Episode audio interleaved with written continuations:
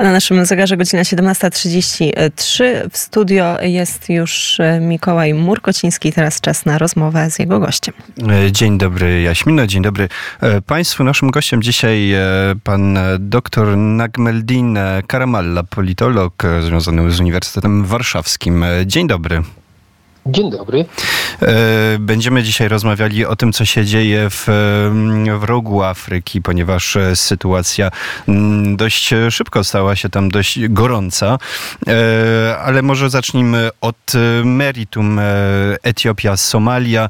Na początku miesiąca Etiopia podpisała porozumienie z Somalilandem y, o dzierżawie części wybrzeża, aby zbudować tam e, port. Somaliland jest e, jednostką terytorialną nieuznawaną międzynarodowo, jest częścią Somalii, e, co wzbudziło duży, duże ryzyko wystąpienia konfliktu między Etiopią a Somalią. I między innymi temu tematowi poświęcona była, poświęcony był szczyt międzyrządowej władzy do spraw e, rozwoju w Kampali, stolicy Afryki, e, tak. aby, aby o tym e, porozmawiać. Więc może zacznijmy od, od, od tego tematu. Na czym w ogóle polega obecny no, wzrost napięcia między tymi krajami?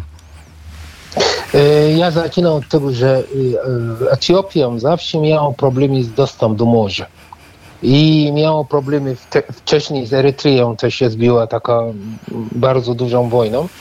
Ale mm, w ogóle historia Etiopii, Etiopia w ogóle jest krajem jakby ma taką e, embrialną wizją, tak jakby w sensie, że ma bardzo dużo problemów ze swoimi sąsiadami, nie tylko z, z Somalią, bo to też jest, oprócz tego, że jest, zostało podpisane tą umową, która jest nieuznawana w świecie, światu międzynarodowym. E, również jest problem terytorialny między Etiopią mm, i, i, i Somalią. Pamiętamy, że w, w, czasie wojny w Somalii e, wojsko etiopskie też wykroczyło do terytorium Somalii, spowodowało, że też jest różne problemy i tak dalej. E, wojna oczywiście jest między Erytreą a, a, a Etiopią, też jest, było spowodowane, że Etiopią zawsze chce mieć dostęp do morza. E, również jest problemy wewnątrz e, Etiopii, bardzo dużo są, jakby tam wojna w Tigray, e, również jest innych mniejszości etnicznych mieszkających w Etiopii. Tak więc w ogóle wewnątrz Etiopii jest bardzo dużo konfliktów etnicznych, religijnych, politycznych i tak. I to jest spowodowany, że e, również jest e, braku stabilizacji w sensie ekonomicznej i społecznej, bo jak pamiętamy w latach 80., 70. E, Etiopia miała bardzo dużo problemów z wodą, z głodem, z problemami z zmianami klimatu, który jest na wszystkich tych subsaharian Afryka i rogu Afryki zwłaszcza te wszystkie to problemy spowodowało, że jeszcze ta presja demograficzna, tą presję ludności. Proszę pamiętać, że ludność Etiopii to jest 150 tysięcy milionów ludzi. Tak więc tutaj jest bardzo duża presja. Przy tym jest mało tych zasobów naturalnych, jak woda, jak roślinności i tak dalej. Przy różnorodnych etniczności w samym Etiopii to spowoduje, że jest Etiopia szuka możliwości mm, rozwoju, szuka dostępu do morza, e, szuka więcej terytorium, e, ziemia rodzajne do uprawienia ziemi, tak jak widzimy ten problem między Sudanem a Etiopią dotyczący tych ziem rolniczych e, między oboma krajami i tak dalej. A teraz jest też problem Tamy, która została budowana przez Etiopię Etiopia uważa, że to jest bardzo korzystne i potrzebne dla rozwoju ekonomicznego i społecznego e, e, e, Etiopii, ale to spowoduje jest konfliktów również między Egiptem a, a Etiopią. Więc chciałbym, chciałbym, jest... Chciałbym jeszcze wrócić właśnie do kwestii e, relacji tutaj tych skomplikowanych, jak pan e, mówi, relacji między Etiopią a poszczególnymi e, krajami sąsiedzkimi, ale teraz chciałbym jeszcze o Somalię zapytać, ponieważ Somalia jest uznawana chyba powszechnie za kraj, za państwo upadłe i tutaj dość takie tak. mocne deklaracje prezydenta Hassana Sheikha Mohammada w Mogadiszu, że naród powinien tak. się szykować do wojny przeciwko Etiopii. E, czy, czy Somalia w ogóle jest w stanie tutaj jakoś, e, jakoś, jakoś się sprzeciwić temu dealowi między Etiopią mhm. a Somalilandem? E, ja myślę, że to jest tak. Zaczynamy tak. Możemy powiedzieć, że Somalia jest uznawany jeden państwo. Somalii jeden. To znaczy to jest um, Somaliland to jest nieuznawany przez żadnego państwa na świecie. Jak, jakby nie było ubadający państwo, ale jest, istnieje, ma swoje suwerenności. E, społeczności międzynarodowe, ONZ, to wszystkie uznawają jeden, jeden państwo Somalii, mimo że to jest wewnątrz jest podzielone, są wojny e, etniczne, plemienne i tak dalej, i tak dalej, ale to jest jeszcze jeden państwo, które jest uznawane przez cały świat międzynarodowy. Tak więc podpisanie umowy z Somaliland to nie ma żadnego mocy prawnego tak jakby Etiopia tak naprawdę łamie prawo międzynarodowe. W sensie, że podpisuje część e, państw, e, na przykład tak jak w Polsce jest, podpisujemy, podpisujemy Śląsk, jakieś tam pewne terytorium, gdzie jest dostęp do morza, no, nie wiem, powiedzmy, e, w, e, może w, w Bałtyckiej czy coś takiego. Tak więc tutaj jest ta, ta umowa, tą podpisaną mhm. umowa nie ma żadnego mocy prawnego. Mówiliś... W świetle prawa międzynarodowym. Nie ma. Żaden kraj nie może uznawać tego, dlatego że sam one jak w momencie, kiedy zostało podpisane, Somaliland nie było państwem jakby jeszcze. Tak więc nawet jeżeli jest, będzie państwem, będzie uznawany jako państwem i tak ta umowa nie ma jakiegoś mocy. Tak więc tutaj jest ta umowa po prostu to jest jedna. Druga sprawa, ta umowa może spowodować jest bardzo duży konflikt wewnątrz Somalii. To jest jedna. Bo drugi może spowodować jest konflikt między Somalią i Etiopią. I to też jest druga sprawa.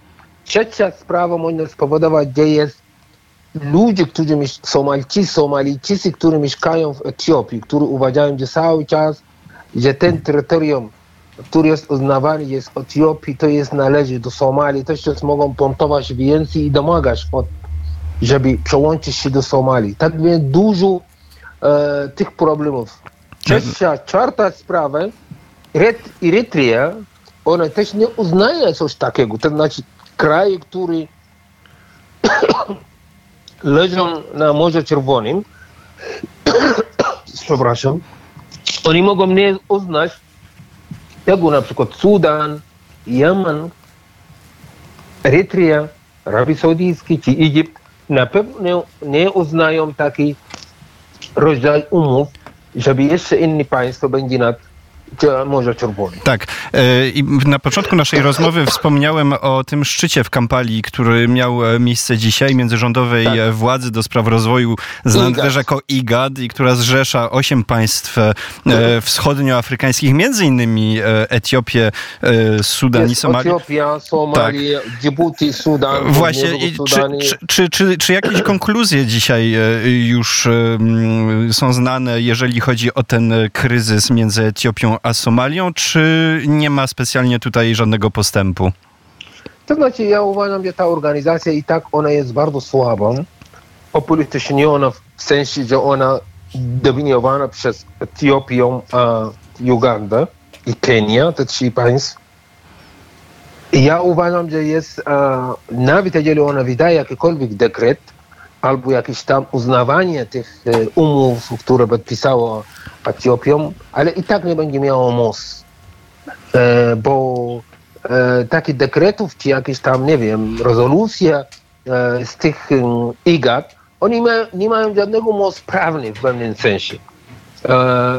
Ani dla Etiopii, ani dla, dla Somalii, bo to może być tak jakby w rodzaju, że to jest e, nasz kolega, który jest coś tam podpisał, my popieramy go i to jest koniec kropka. Nic takiego nie ma, nie ma takiej mocy. To jest taki e, takie jakby, e, jakby grupa mhm. wielu, kilka krajów, które oni mają jakby jakieś pewne wspólne jakieś tam interesy i tak dalej, ale nie ma, nie ma tak naprawdę znaczenia bardzo dużo. E, kwestia też jest również jest konfliktów wewnątrz Sudanu. Będzie no właśnie tak. Dyskutowani. Właśnie tak. Właśnie chciałem tutaj nawiązać też do tego drugiego punktu, dużego punktu, który miał dzisiaj, był również omawiany w Kampali. E, no właśnie, kwestia kryzysu e, w Sudanie, ale tutaj chyba już na samym początku wiadomo było, że się nie uda.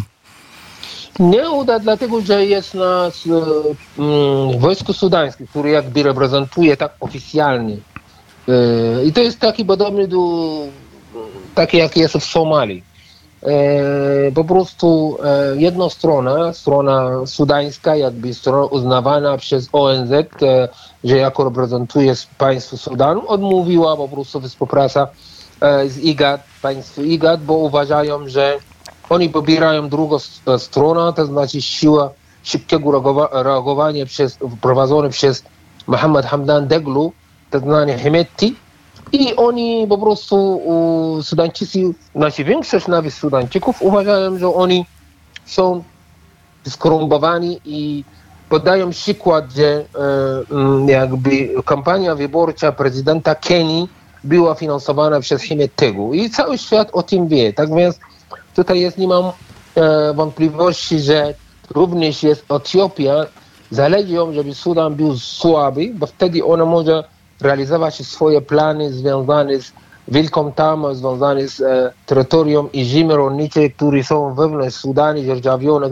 w 1902, na, żeby tylko oprawiać tę ziemię i tak dalej. Tak więc im te kraje jak Sudan e, czy e, e, Somalia są słabszym, słabszymi państwami, to jest korzyść, mhm. korzyści dla Etiopii. Z jednej strony może zrealizować swoje jakby ekspansji e, dostępu do morza z tej strony, a drugiej strony, że jest, może być e, tutaj jest ziemie rolnicze i budowanie tamy. To może... Również jest tak, tak. może jeszcze pytanie tutaj, e, skoro już zeszliśmy na e, Sudan, miałem zapytać o to, jak wygląda sytuacja teraz w Sudanie, ale może takie ostatnie pytanie, bo dużo było, dużo mówiono o tym, że na pewno kraje sąsiadujące z Sudanem zaprowadzą tam w pewnym momencie jakiś porządek, że presja Egiptu, Etiopii e, będzie taka, aby wprowadzić tam jakieś rozwiązanie w konflikcie między Abdulem Fatahem Burhanem,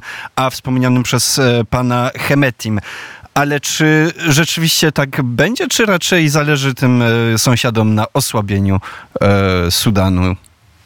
Nie, moim zdaniem osobiście też sąsiady, nie wszystkie oczywiście, ale Etiopią i Ugandia e, zależy im, żeby osłabić, osłabić Sudan, bo to jest w ich interesie, żeby Sudan był słabym państwem. E, moim zdaniem, że oni mają różne kombinacje albo mają różne jakby ciki umowa z różnymi państwami spoza regionu, które mają interesy związane z wykorzystywaniem surowców naturalnych Sudanu, jak, jak ropa naftowa, czy, czy złoto, surowce złota i tak dalej. Tak więc na pewno Etiopią zależy ją, żeby Sudan był słabym państwem, bo wtedy może, mogą zrealizować swoje e, polityki i tak dalej. E, natomiast w przypadku Egiptu może być inaczej. Może być Egipt faktycznie, jak sądzę, żeby była stabilizacja w Sudanie, dlatego że to wpływa też na bezpieczeństwo w Egipcie, w samym Egiptu, dlatego że jest wiadomo, że jest, jeżeli jest na mamy dużo, na przykład mamy problemów, to, to wtedy mamy bardzo dużo imigrację w stronę um, Egiptu, a nie w stronę Etiopii. Zawsze jest imigracja idzie w tej stronę, E, bo będzie łatwo dostać się do krajów europejskich albo gdzieś tam, bo Sudańczycy głównie na, tak naprawdę emigrują albo z cent, e, centrum Sudanu do Egiptu lub e, gdzie jest mm, e, południowego Sudanu, gdzie jest Darfur, do Czadu. Tak więc e, również jest kwestia Czadu. Czad jest bardzo słabym i biednym państwem i w zasadzie jest, żyje i podlega na pomocy z zagranicy i tak więc jest podatny na nacisk um, siłom zewnętrznych, które oni mogą mieć, też jest również e, interesy w Sudanie, żeby osłabić Sudan, żeby wykorzystywać tych surowców naturalnych, o których jest mowa. Tak więc Tak. i nie wiem, czy sąsiedzi Sudanu tak naprawdę są zainteresowani, żeby sytuacja była stabilna w Sudanie, nawet południowego Sudan. Nie jestem tak, jestem do końca tak pewny, gdzie to jest tak naprawdę w interesie ich, że będzie Sudan, był silnym państwem. Pamiętasz, proszę, mm, że w momencie, kiedy Sudan będzie silnym państwem, dużym i silnym państwem, to jest też jest zagrożenie dla nich, dla tych państw. Tak więc Tak. i konkurencję dla nich, jeżeli chodzi Tym o bardziej- militarne. Tym, tak, bar- tak. tym bardziej, że Sudan, jak sam pan e, wspomina, ma ogromne e, zasoby i ogromny em, potencjał. No ale cóż, nie pierwszy, Tak, dokładnie. nie pierwszy Dokładnie. raz, nie pierwszy raz, e, nie pierwszy raz mamy taką sytuację w Afryce. Ja E, poza tym jest, tylko chciałbym dodać coś, po prostu e, kwestia osłabienia państwa Sudanu i, i, i rola tych sąsiadów Sudanu w tym jest, nie zaczynało się teraz. A 2011, Tak. kiedy Sudan został podzielony na dwa państwa, to jest właśnie, znaczy teraz jest kontynuacja, co to zaczynało wcześniej, żeby osłabić tego Sudanu, podzielić tego Sudanu jeszcze na inne kawałki. I to jest, to jest też jest w tym sensie Tak. jest ważne. Będziemy oczywiście się temu e, przyglądać. E, Naszym e, gościem był dr Nagmeldin Karamalla, politolog z Uniwersytetu Warszawskiego. Bardzo dziękuję za rozmowę. Dziękuję bardzo, dziękuję, do widzenia.